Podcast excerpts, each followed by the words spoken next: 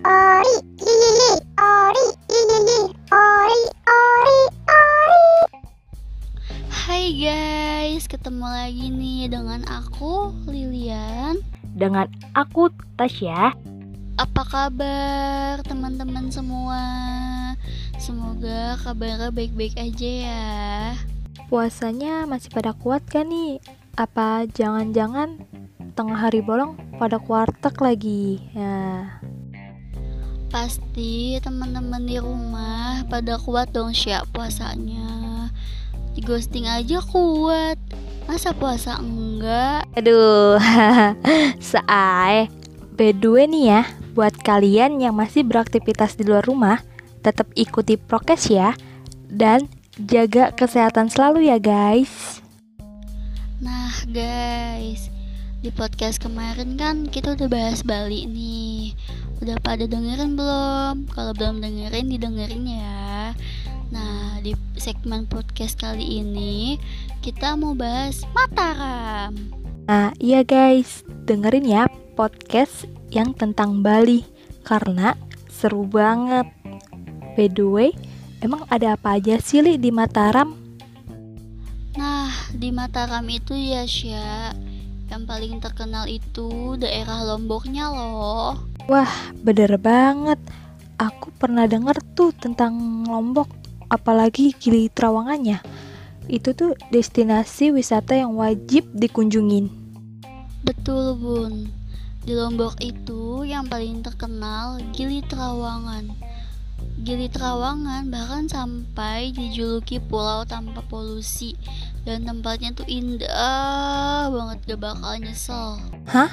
Serius? Pulau tanpa polusi? Pastinya asoy banget tuh. Iya bener wa Karena tanpa polusi Pasti Gili Trawangan itu seger banget buat paru-paru. Dan ada lagi nih Destinasi di Lombok yang gak kalah indahnya dengan Gili Trawangan Yaitu Pantai Pink Beach Oh, aku pernah denger tuh Li Yang katanya pasirnya pink ya Wak Bener banget Tahu gak sih kenapa pasirnya berwarna pink? Wah, kenapa tuh?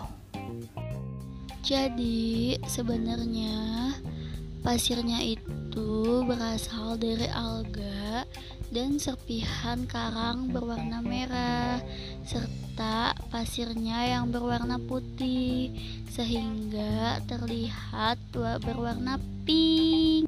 Wah, aku baru tahu loh, Bun. Aku kira dari sananya. Kira-kira para pendengar udah pada tahu belum? Apa jangan-jangan cuma aku doang lagi yang baru tahu sekarang? aku juga baru tahu hihihi sama-sama belajar kita. By the way ya bun, kayaknya nggak afdol deh kalau kita ke Mataram tapi nggak makan makanan kasana. Kira-kira kamu ada rekomendasi nggak makanan apa yang wajib dimakan di sana? Nah guys, kan kalau sate Padang tuh dari Padang. Kalau Madura tuh punya sate Madura. Nah kalau Mataram juga punya nih khas satenya. Yaitu ada tiga jenis sate bulayak, sate rembiga, dan sate Tanjung. Wah, emang apa bedanya tuh Li satenya? Nah, pertanyaan yang bagus. Pasti pendengar juga penasaran dong, apa sih bedanya dari tiga jenis sate tersebut bedanya itu sate bulayak dari daging sapi bumbunya mirip dengan bumbu sate madura tetapi lontongnya dibungkus oleh daun aren yang bentuknya spiral lalu sate rembiga itu udah ada dari zaman kerajaan dan rasa gurih manis pedasnya itu dapet banget lalu ada juga kan sate Tanjung. Sate Tanjung itu terbuat dari ikan cakalang yang dibumbui khas rempah Lombok. Hmm, seperti itu. Aku jadi penasaran Deli. Pengen nyobain kalau ke sana. Wah wajib banget dong bun. Seperti yang kamu bilang tadi kan Kalau kita ke suatu daerah Tapi nggak makan makanan khas daerahnya tuh kayak gak, afdol gitu kan. Rasanya tuh kayak ada yang kurang gitu. Betul banget tuh bun. Eh Sya gak berasa nih udah mau buka puasa aja. Aku belum siapin buka nih. Kita tutup dulu kali ya. Wah, iya nih Li, gak berasa banget ya. Kalau gitu, kami pamit undur diri dulu ya guys.